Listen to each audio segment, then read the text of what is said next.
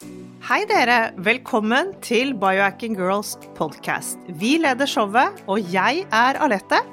Og jeg er Monica. Vi er gode venner og kolleger, og vi legger sammen våre erfaringer og kunnskap for å inspirere deg til å bli din egen biohacker og optimalisere livet ditt.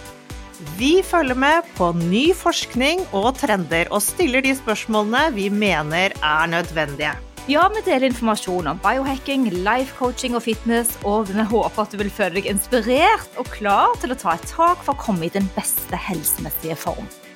Velkommen til Biohacking Girls podcast. Det er altså så utrolig hyggelig å få tilbakemeldinger fra dere lyttere og dere som ser oss på Instagram. Tusen takk for det. Vi er supertakknemlige. Vi får meldinger på direkte messages på Instagram og i kommentarfeltet, og mange ganger òg så skriver dere under her på podkasten. Og det setter vi så stor pris på, for vi vil jo hele tiden prøve å justere og bli bedre og svare på spørsmål og, og ha et lite ansvar i forhold til alle de tankene vi setter ut. Ja, og vi har faktisk fått eh, noen tilbakemeldinger på kaffepodkasten vår. Det er flere som lurte på hvorfor ikke vi svarte på spørsmålet om eh, når, hvilken kaffe det er som bryter fasten. Det hadde vi snakket om innledningsvis, og så glemte vi å si det. Så det får vi ta opp nå, Monica. Ja. Uh, ja. det som bryter fasten er jo alt som har kalorier. Så jeg vet at mange ikke vil høre det, men det er svart kaffe som ikke bryter fasten. Så tilsetter du MCT og smør, så vil jo da Dave Asprey eh, anbefale dette på et ketogent kosthold, eh, fordi at man skal øves på å forlenge det faste vinduet. Og det kan hjelpe oss i perioder, men det er svart kaffe eller te. Helt riktig. Og så har vi også lyst til å lese litt kommentarer. Vi får så mye hyggelige ord, og vi er veldig glad for at dere deler podkasten med andre og skriver tilbakemeldinger. Ja, vi trakk jo en vinner på et laken, eh, et earthing sheet. Uh, og det òg er jo gøy, og det var basert på kommentarene som lå under podkasten her, ikke på Instagram. Uh, og da var det en som uh, bader mye i seks måneder, men så kommer vinteren, og da er det for kaldt og orker ikke det, så da et laken ville han veldig gjerne han eller hun veldig gjerne vinne. Men det er jo triks uh, annet enn laken på vinteren òg. Man kan jo hoppe i sjøen, f.eks. Ja, isbading er jo helt perfekt earthing eh, om, eh, om, vinteren. Det går faktisk an å sette føttene ut selv om det er kaldt også. Man trenger ikke gjøre det så lenge. Eller så har man disse earthing-lakene man kan bruke inne. Vi tar en kommentar til fra Bamse Moms før vi hopper inn i ukens tema. Jeg må høre alle episodene og lære så mye gøy. Earthing-episoden er fin å høre på, da jeg digger å gå barbent så lenge det går. Føttene blir aldri helt rene gjennom sommeren, men hva gjør vel det? Vi er så enige. Jeg kan ikke helt sette ord på det, men jeg bare føler det gjør meg godt å tråkke barføtt i gresset. Og det gjør det i sol og regn og litt snø også. Vet du hva, vi heier på deg, Bamsemoms, vi er så enige. Det er akkurat den lille forskjellen. Yes, det er den vi vil ha. Men da syns jeg vi skal hoppe inn i ukens tema. Og i dag så skal vi snakke om alkohol. Og alkohol det er noe alle har et forhold til, enten direkte eller indirekte. Det er noe vi alle kjenner på kroppen, og til stadighet går vi og vurderer og lurer på hva er det som er normalt, hva er det som er vanlig, hva er det som er for mye alkohol, eller kanskje hva er det til og med som er litt for lite alkohol?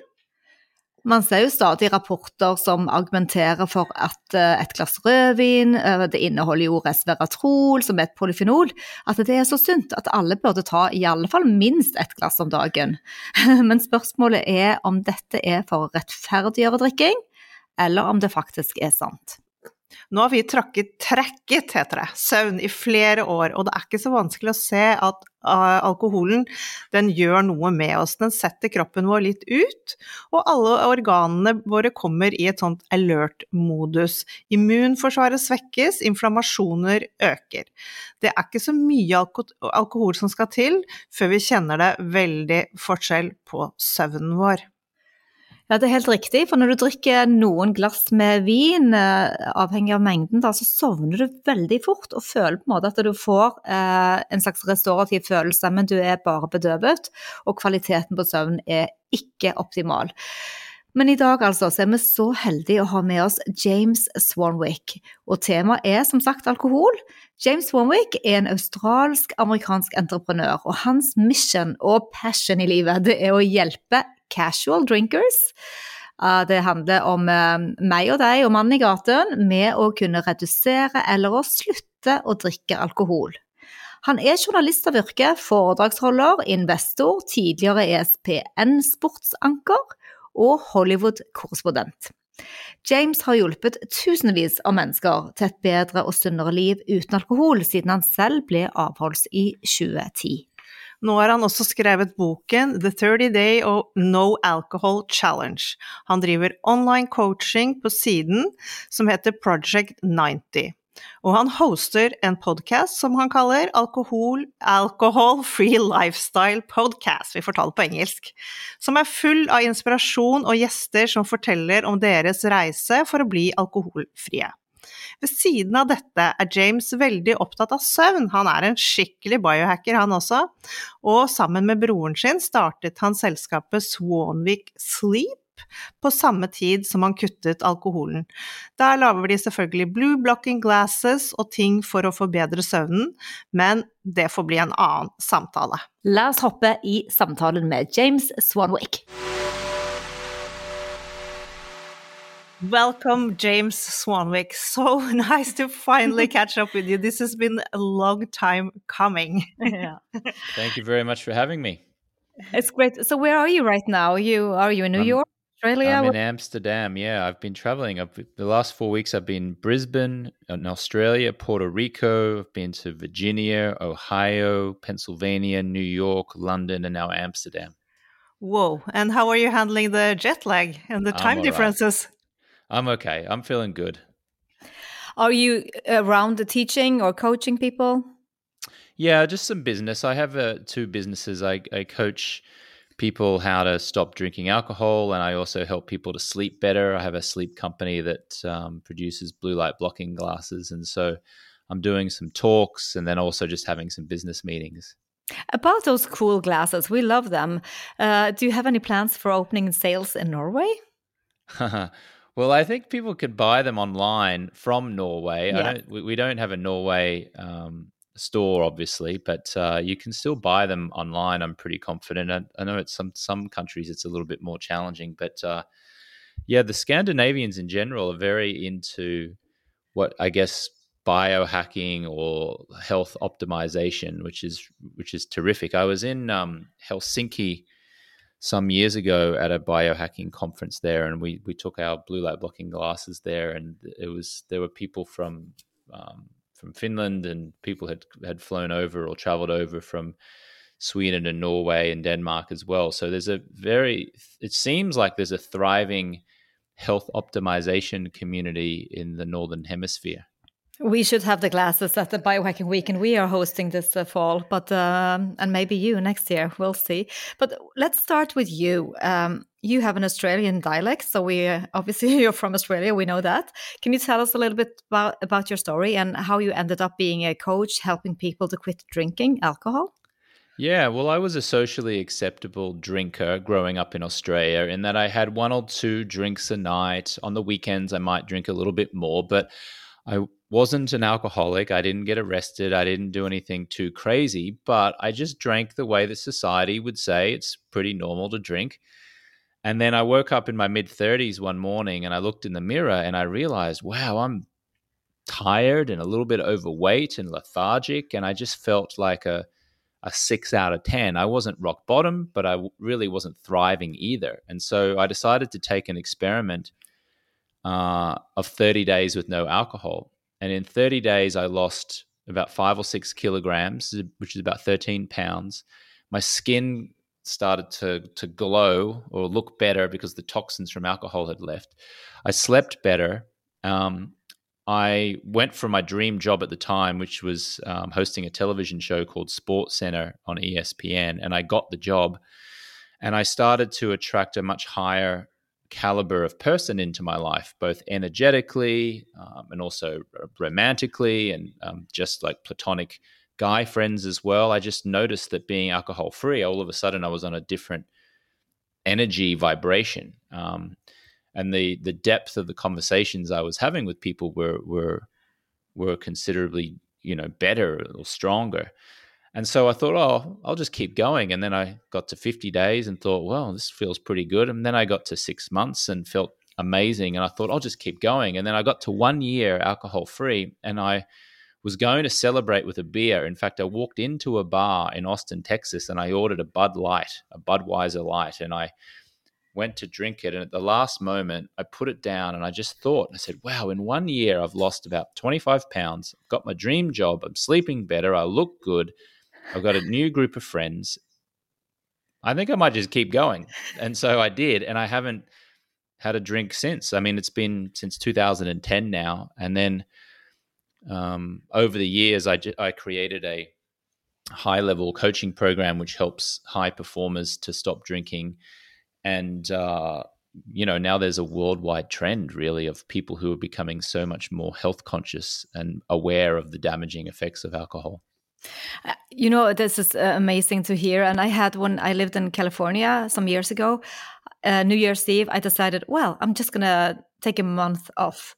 And i wasn't a heavy drinker at all. Uh, it was just because i'm working out running a workout studio.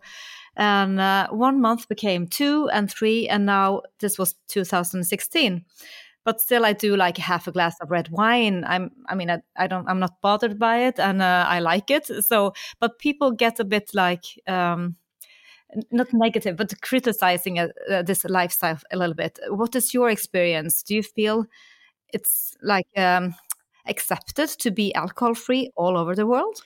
Increasingly so. Um, however, it's still, you know, people still default to, oh, you're not drinking. Oh, you must be an alcoholic because under any other circumstance, of course, you would choose to drink.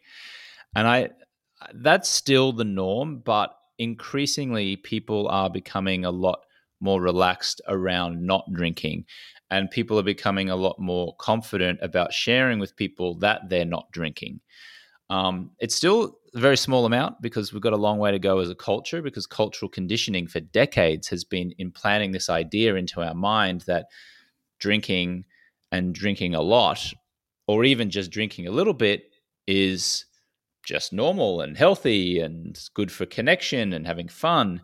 Whereas what i tend to uh, argue or what i see is that the gift is really being alcohol free and you can have more fun being alcohol free and you can connect more being alcohol free i describe alcohol really as attractively packaged poison. Um, and you see it in marketing um, all over the place. They put champagne in beautiful gold bottles and they put wine in beautiful wine bottles and they put scotch and whiskey in these gorgeous bottles with these beautiful packaging and this lovely um, um uh, wording on the labels, and it looks so seductive. And there are smiling assassins everywhere. I, I, call them smiling assassins. They're waiters and waitresses and friends and family who are smiling when they say, Hey, would you like a drink? Hey, can I get you a drink? Hey, would you like a drink? And they mean well. I mean, they're just trying to, they're trying to, you know, engage with you. But drinking that uh, alcohol, there's not one element of health attributed to, to alcohol. There's zero nutritional benefits. Is one drink going to kill you? No. Is one drink going to be fine? Sure. But most people don't just have one drink, they have one drink every night all of their life. And that cumulatively can add up to cause problems that you may not see in the beginning, but which are very much felt over the long term. Yeah, but um, I think that's um, so hard because the casual drinkers they don't really recognize that they have a problem or that they have health consequences to their drinking. Mm. So that's why um, we really. Um, yeah, how, how do you do that? How, how do you uh, convince them to stop drinking? And what what do you do in your workshops, courses? Mm. How how do you catch these people? Well, I'm not there to, to, convince anyone to stop drinking. I'm there to help those who have convinced themselves that they need to stop drinking. Um, so I'm not here frowning upon alcohol or judging people for drinking, but those who recognize that their drinking habits have got a little bit too much and, and they can see the health consequences. I'm all for supporting those folks. So, a lot of what we do in our training is rewiring their mindset around alcohol. So, rather than looking at alcohol as this beautiful thing to savor and bow down and worship, and oh, this drink at the end of the day is so nice, and oh, this beer with friends is so nice, and oh, having wine with the ladies for brunch on a Sunday morning is so nice. We turn it around, we flip it around, and we go, oh, having this soda water ice and a piece of lime with the ladies is so beautiful. And oh, drinking this uh, beautiful water and soda water and mocktails is so nice. And this feeling of clarity and focus and presence is so nice, as opposed to what drinking creates, which is stress, irritability, anxiety. Um, and then we we walk through some scripts with our clients as well, where we show them what to say and how to say it to friends or colleagues or bosses or family who are encouraging you to drink. For example, I'll give you an I'll give you an example here. Most of the reason why people feel so uncomfortable about sharing that they're not drinking is because they fear that people will think that they're an alcoholic or that they have a problem or that they'll they'll be chastised for not drinking, or there'll be a, a Debbie Downer, there'll be a, um, a buzzkill, like they'll be killing the fun and enjoyment.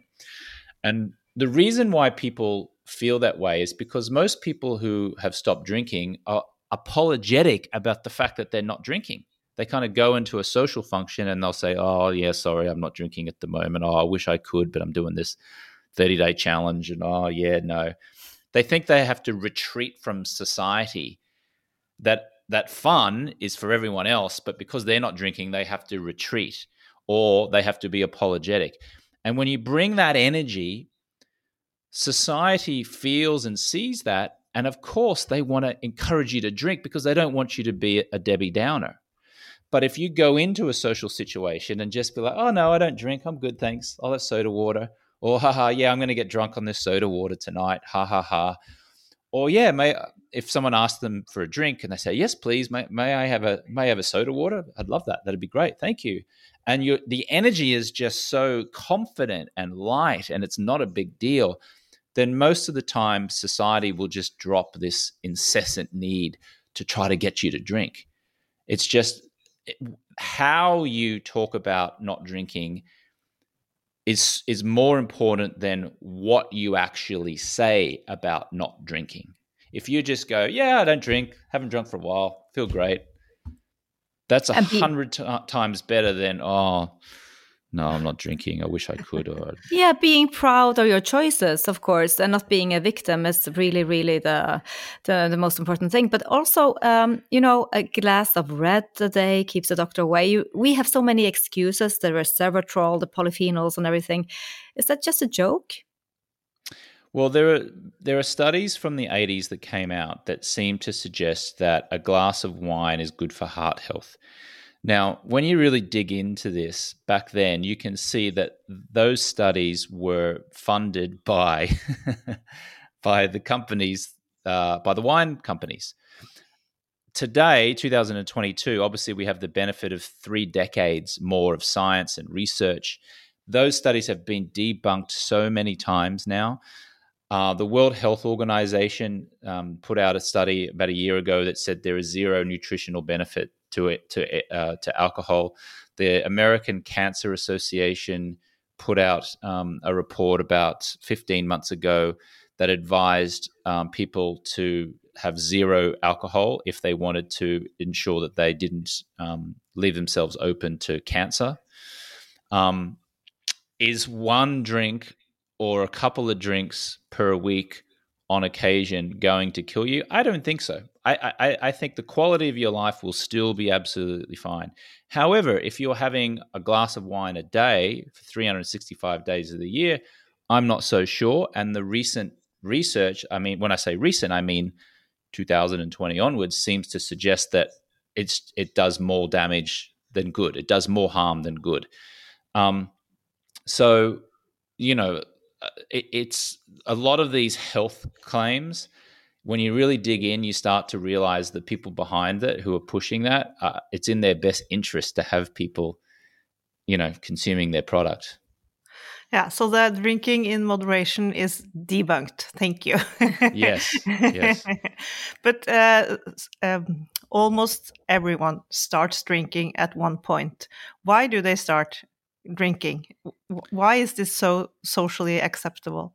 And yeah, addictive. yeah, and addictive. Yeah. yeah. it's cultural conditioning, isn't it? I mean, this has been going on for years. I mean, it, it, the, the parents are culpable in my view because what do we tell our children when we're drinking they say oh no you can't have a drink now but one day when you're older then you can have a drink and what they're really enforcing into their child's minds is like oh this is a rite of passage one day when i grow up i get to drink this attractively packaged poison. Oh okay. Great. I can't wait to mature and get into my late teens when finally i'll be able to join my parents and enjoy this glass of attractively packaged poison. So, when you have cultural conditioning like that, of course it's challenging to start your adult life without drinking because your parents have been almost subliminally encouraging you to start drinking your entire life.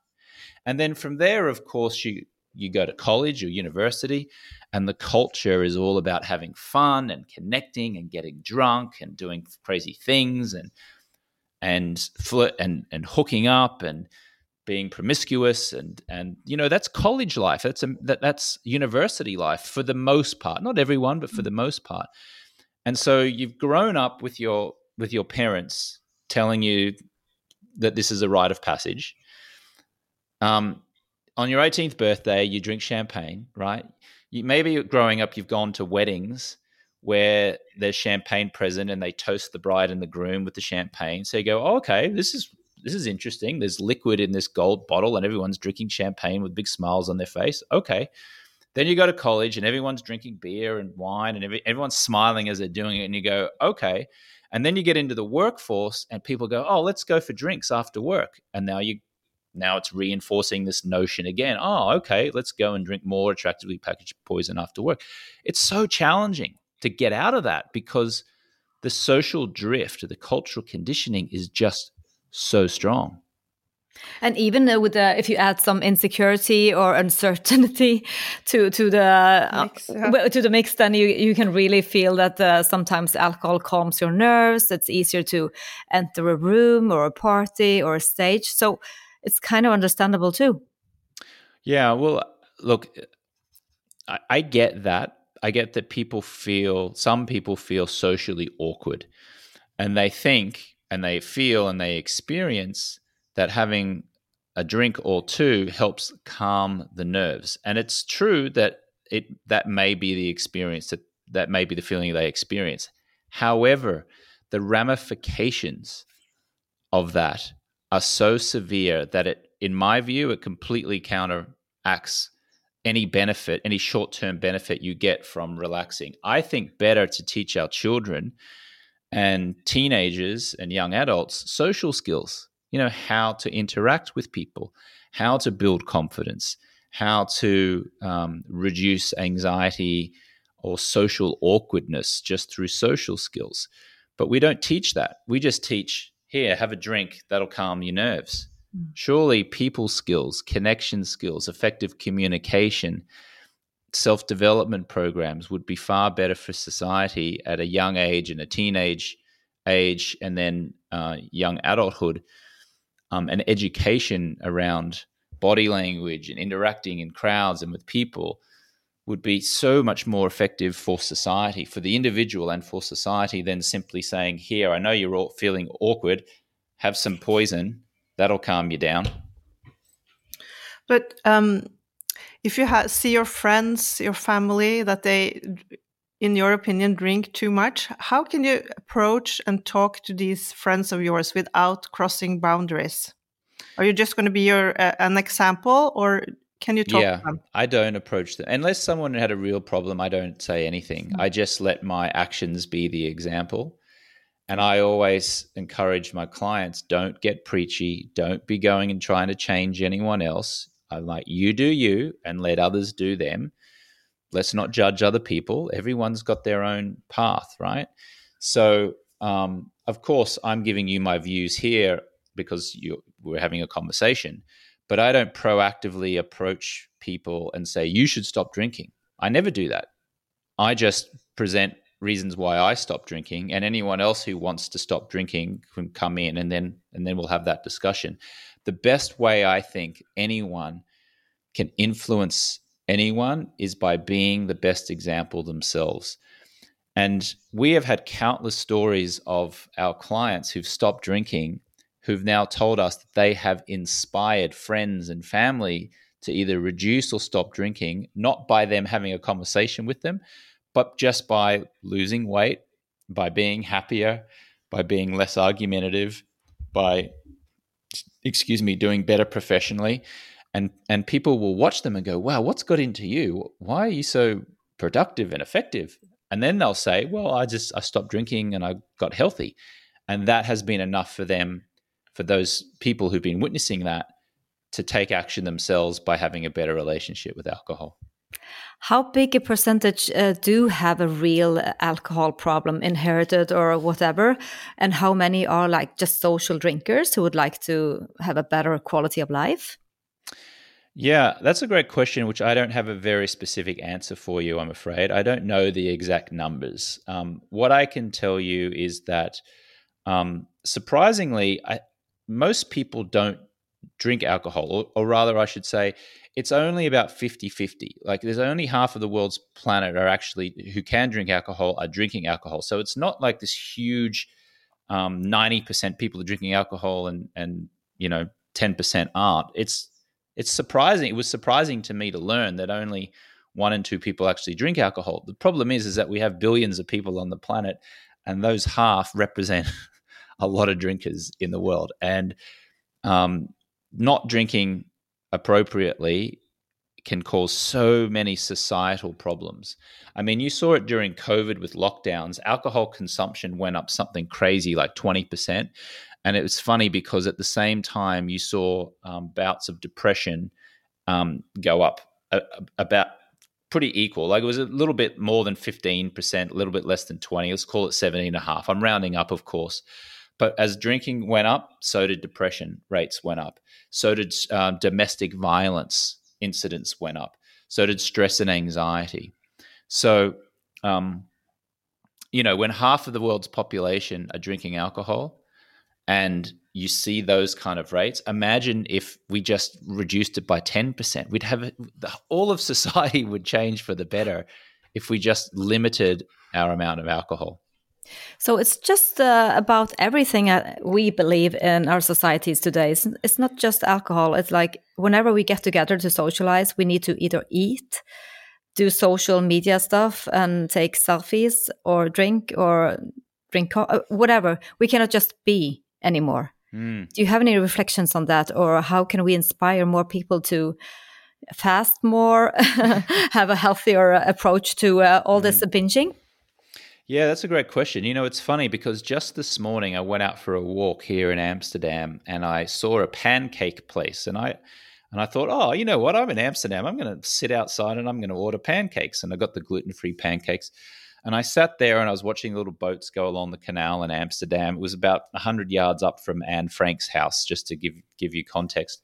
And um, I sat down and I grabbed my phone as I was waiting for my pancakes to come and I started scrolling through my phone. And about a minute in, I caught myself and I thought, what are you doing, James? Like you're in Amsterdam, you're sitting outside, there's this beautiful scenery, and you're scrolling on your phone. And so I I I was both appalled at myself, but also quite impressed by myself that I that I caught myself doing it. And I put it on airplane mode, turned my phone over, and I just sat there and I just looked and watched the people. And candidly, it wasn't as easy as I would have hoped it would have been because I'm so used to scrolling in my damn phone that even just being there and just looking out was cha- felt challenging for the first couple of minutes. As I went along, it got a lot easier, and I reveled in the fact that I could hear the that there was a church near Anne Frank's house that was chiming, and I could hear the, the sounds of the boats going up, and there were the, the chitter chatter of people, and I was listening to the Dutch language. Um, and so I think to answer your question, being intentional about that, like going out and saying, right, when I sit down, I'm going to turn my phone off and I'm going to turn it over. So when I sit down at a restaurant with friends, for example, and we all put our f- phones on the table, I don't have it sitting up. I have it sitting down. So that way I can't see if any notifications come. But really, I, I could be doing that most of the day. So you asking me that question has been a great reminder to me. So thank you. I'm going to be much better with my phone use now throughout the rest of the day. It's a learning road for all of us. Thank you oh, for yes. sharing that. Yeah, it's so so much every day. But um, back to your 30 day challenge. Um, can you tell us about the health benefit that you can find after these 30 days, just to inspire our listeners? Yes. Well, let me tell you the story about um, a client who I just interviewed for my podcast just last night, actually. I got into Amsterdam very late and I did a late night interview with him. And he's now two and a half years alcohol free. He's a 53 year old man. His name's Steve Aguirre. He doesn't mind me using his name because he's he's out on the podcast. And uh, he's married and he works in California. And he joined my program in uh, just before the lockdown started in March 2020. Okay, he's now two and a half years alcohol free. He has lost 63 pounds. Now, I don't know what that is in to your listeners. Uh, do you guys deal with kilograms or ha- half, yeah. almost half? 20, okay. Yeah. yeah. So he's lost about 30 kilograms. I have the notes here. His blood pressure. I'm not sure whether you how you um, rate blood pressure, but in March 15, 2020, his blood pressure was 178 over 111, which to the uninitiated is very, very high. 178 over 111 last night, as we did the interview, it was 111 over 72. That's Perfect. a dramatic that's a dramatic change from 178 over 111 to 111 over over 72 in two and a half years. And he was um, just a casual drinker. He was a casual drinker who was drinking two or three beers a night. And that's that's socially acceptable. He wasn't getting drunk. He was just having a couple, two or three beers. Um, in 2019, he tracked how many miles he cycled because he has the Strava, the Strava thing on his phone, and he can track distance. Um, in 2019, he rode his bike 500 miles. In 2020, when he stopped drinking, he 10xed and rode 5,000 miles. And last year, 2021, he rode 10,000 miles. So he went from 500 miles to 5,000 miles to 10,000 miles a year in the space of two years simply from not drinking and losing all of that weight.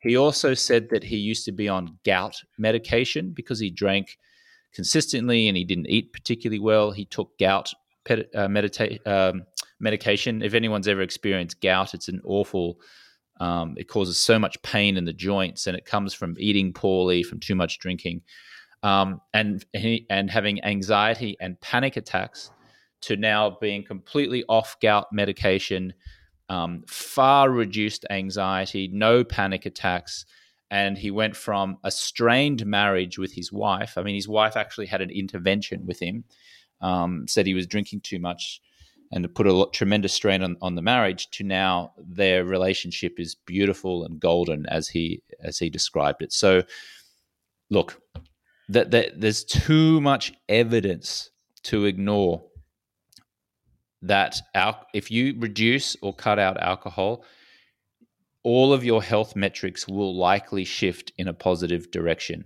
Weight loss blood pressure drop resting heart rate will drop, triglycerides, cholesterol, anxiety, depression will drop, stress, irritation, fogginess, uh, lethargy, poor sleep will all drop. Your sleep improves dramatically when you stop drinking alcohol, also. And mood. And gout is then uh, gikt in Norwegian.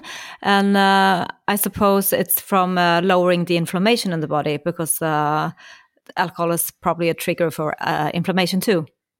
Yeah, well, yes, yes. And gout uh, creates a very um, a high amount of uric acid in the body, and the body has a real, really tough time getting that uric acid out, and it forms as crystals in joints, and it can show up in the big toe or the ankle or the knee.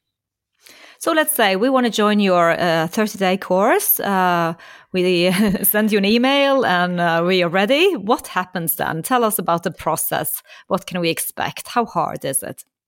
Yeah, well, I have um, a 30 day challenge, a 90 day coaching program, and a 365 day coaching program. So, if someone did the 30 day challenge, what would happen is you would get a, a pre recorded training video each day for 30 days. So, on day one, it would say, Welcome uh, to day one. Here's what I want you to do today to be alcohol free. And then that would happen on day two, and day three, and day four. Um, there's a Facebook group where you can go in and you can interact with other members, and that would happen over the course of, of 30 days. And that's that's more of like a do-it-yourself kind of program. If you did the 90 days, that's um, for more executives, entrepreneurs, investors, um, high achievers who really want to create lifelong power over their drinking habits. And that's for people who are maybe feeling quite stressed and you know have tried to stop many times but have been able to ha- uh, have not been able to. And in addition to 90 training videos you'd also get up to five group coaching calls per week. And you can just join you know one a week that's fine but you'll meet other people around the world on a zoom call and we'll have conversations around reducing or cutting alcohol a lot of health benefits nutritional talk a lot of mindset energy. It's not just about stopping drinking it's also about um, improving mindset and being conscious and, and how to have great conversations with people and reducing stress and anxiety in our life anyway that tend to lead to people wanting to drink.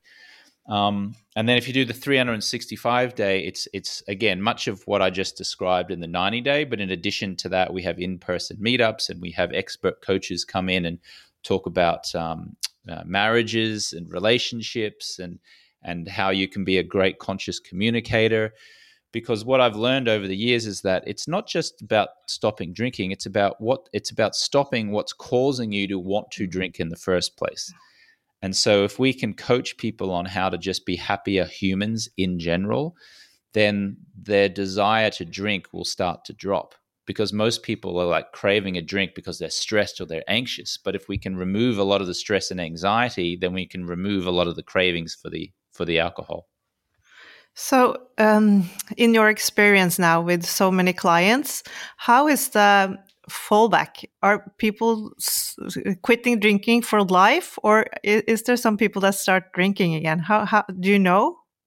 Yeah, I have anecdotal evidence. Um, I can t- I can give you statistics of um, so ninety two percent of the clients who go into our 90 day program will stop drinking for at least 90 consecutive days on their first attempt. Wow. Okay. Now, if you compare that to AA, Alcoholics Anonymous, Alcoholics Anonymous has a reported 7% success rate of people doing that program and actually stopping drinking for life, which is very low. It's helped millions of people, absolutely. And if it works for you, do it, double down on it, keep doing it. However, it doesn't seem to work for 93% of people who attempt it. Um, now, anecdotally, I can tell you because we, we stay in touch with many of our clients after the 90 days, but many of them we also lose contact with. So I can't give you like hard numbers, but what I can tell you is that um, most of the people, once they get to 90 consecutive days alcohol free, they tend to uh, remain alcohol free and have remained so at least for you know four or five years that since I've been doing this particular program. And of the ones who've returned to drinking, they've told me that they only do so at a very moderate rate. So that means they have a drink on occasion. It's no longer having power over them. They're no longer nightly drinkers. They might be having a drink once or twice a month, for example um, and that's it. It no longer has power over them.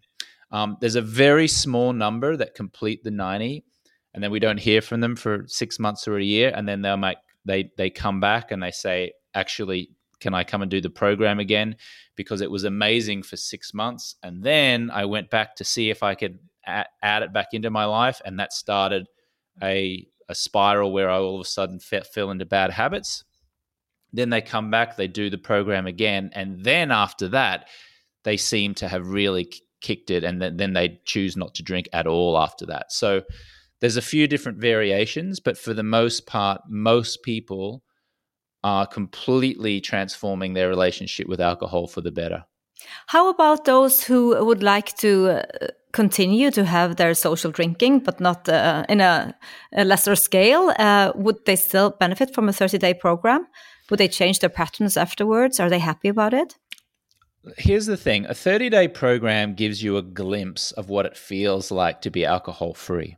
However, if you are wanting to make long lasting, lifelong change around alcohol, if you go into that 30 day challenge trying to get to 30 days and then looking to celebrate on day 30, then it's kind of defeated the purpose, in my view. A 30 day challenge, like I said, gives you a glimpse. It's a great start. It gets you feeling what it's like to be alcohol free. Maybe it starts to get the, the mindset switching to, hmm, maybe I could just reduce. Maybe I can do moderation. Anything that improves your relationship to alcohol, I think, is a win. However, if you really want to make lifelong change, I would certainly encourage people to try to stop for at least 90 consecutive days in the beginning because then you really start to feel the benefits of that. And that will then trigger you into really contemplating hey, maybe I'll just quit forever, or maybe I'll just have a drink on occasion. That's great. Uh, so, uh, where can people find you? You have your homepage. Yeah, so I have a podcast called Alcohol Free Lifestyle. It's in Apple Podcasts and on Spotify. The website is alcoholfreelifestyle.com, where you can find uh, more about me and what we do. And you and also share a lot on uh, on Instagram. And the last uh, inspiring post you had with the parents uh, to stop yeah. to stop acting or being too wild with uh, the glasses on the table. Can you just tell us a little bit your opinion about how parenting should be around the dinner table Thursday, Friday, Saturday, or whatever? Well, look, I think, I just think that parents need to be so conscious that our children are watching our every move. They're watching us, they're studying us, they're studying our habits, they're studying how we relate to other adults, how we eat, how we drink, what we say, our mood. So anything you can do to be conscious of the fact that your kids are studying every mannerism and every sound and every facial expression i think is going to is going to improve you know the the role that we play in our in our children's lives so um, i think having an intentional conversation with children about alcohol could be a good thing um, not drinking in front of them at all, I, th- I am all for. I definitely support that. Um, if you are going to drink around them, I would do it very infrequently, like so not so it's so it's every night. Because again, if your kids are watching you and they're seeing you drink every night, what are they going to want to do when they grow up? It's just going to be do what my parents did because that's who they that's who they're learning from. So I, uh, my invitation is, I mean, I am not here to, to to teach parents how to parent, right? But I am here to just invite parents to really understand that our children are watching us, they're studying us, and inviting you to be intentional about how you behave around them, especially as it relates to alcohol. So your Instagram is James Swanswick uh, with the two S's there and W, yes? Yeah, James Swanwick, yes, yes, yes. yeah great advice and really nice talking to you. yeah. Yeah, it was lovely. So, um, is there any, uh, in the end here, uh, cool hacks we could use uh, if we really crave the glass of wine? Uh, we just ordered some GABA, some sublingual GABA you can uh, put under your tongue to calm your nerves a little bit. But do you have any tricks? Yeah. So, a couple things. Number one is you don't really want to drink to calm your nerves or relieve your stress. You just want to calm your nerves and relieve your stress. And you can do that a thousand different ways that don't involve drinking alcohol. Um, some very simple things when you when a craving hits um, is to go for a walk, is to breathe for just twenty seconds. I mean, twenty seconds is nothing. It could just be.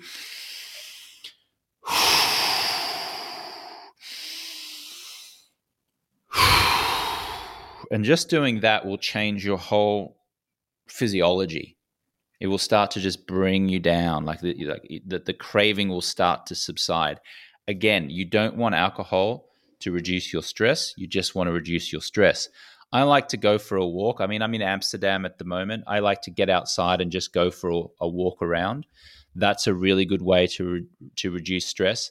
Um, the other way is um, if you're in at home, get alcohol out of your home because if it's out of sight, and then it's out of mind. And a lot of challenges that people walk into is that they have wine cabinets and liquor cabinets and wine cellars, and so the alcohol is very present. And when you're in that home and you've got alcohol in your home, you tend to to go there and, and consume it. So I just advise you get it out of the fridge, get it out of the cupboard, give it away, give it to friends. Um, the other thing is keep really delicious uh, non-alcoholic drinks in your fridge. I mean, just there's so many great non-alcoholic options now. There's some canned or bottled sparkling waters with beautiful flavors like mango and strawberry and lime and lemon. I mean, it's delicious. Hmm. also, buying yourself a bouquet of flowers and just putting it on your your dining room table, or strategically putting a, a bouquet of flowers in your house in your home. When you come home each day or you you see that bouquet of flowers each day it becomes this beautiful representation of health and vitality. And when you see those beautiful colors like the tulips of of of uh, Amsterdam that I'm seeing now all around the place it, it just in, it inspires you to want to go to the fridge and drink soda water or sparkling water as opposed to going to the cupboard or the fridge to drink beer or wine. The flowers become a representation of your own body and your own health and your own vitality. So those little visual cues, you know, a visual cues of health and vitality, a bowl of lime, buy some buy six lime or lemons and and and create like a, a beautiful bowl of lime and lemon with some flowers next to them and have a fridge filled with sparkling water with beautiful flavors.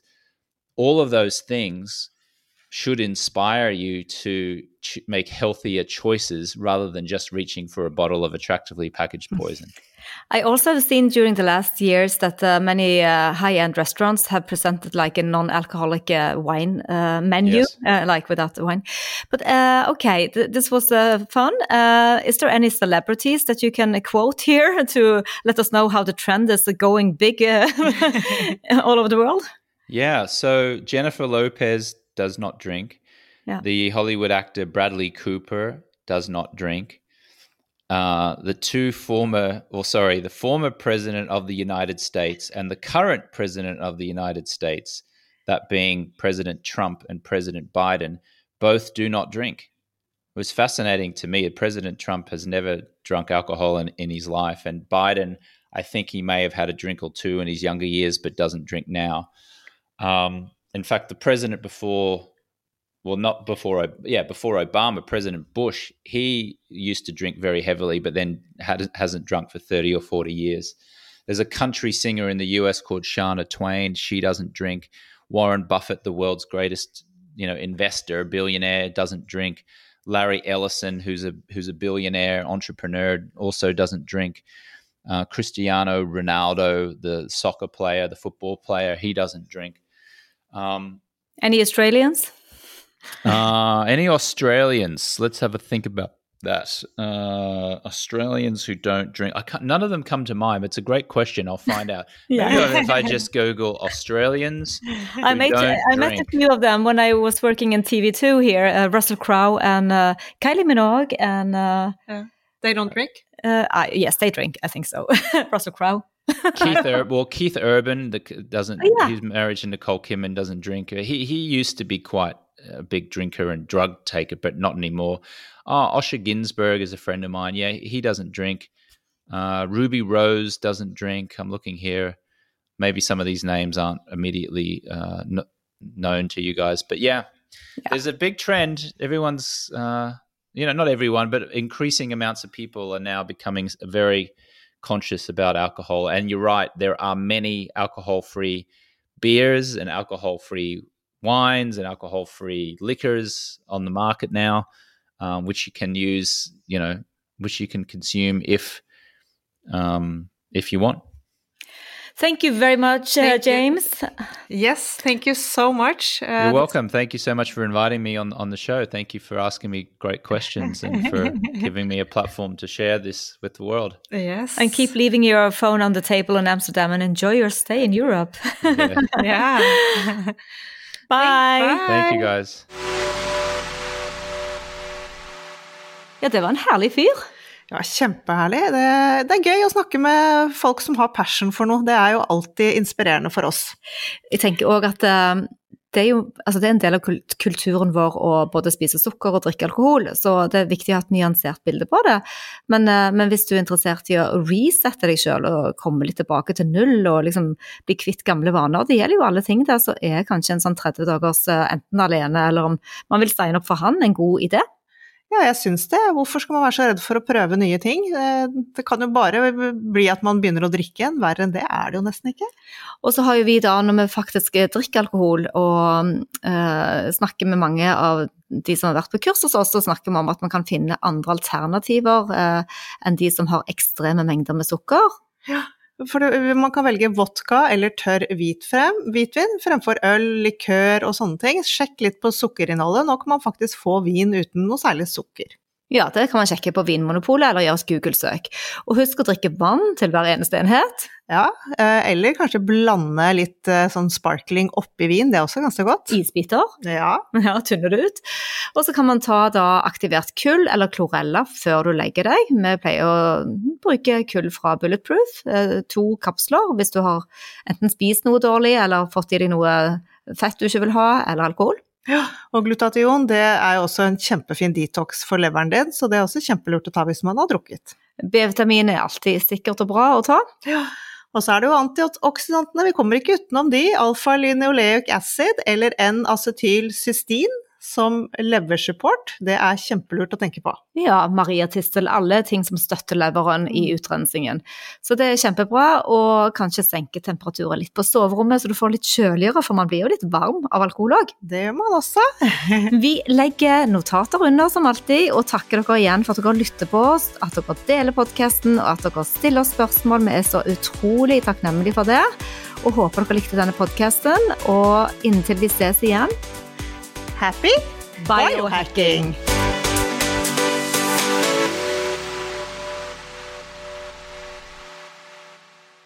Vi minner om at dere må snakke med egen lege eller kostholdsveileder om dietter og andre spørsmål relatert til medisiner og supplementer. Informasjon vi deler, kan ikke bli brukt til å diagnostisere, behandle, forebygge eller kurere noen sykdommer eller tilstander.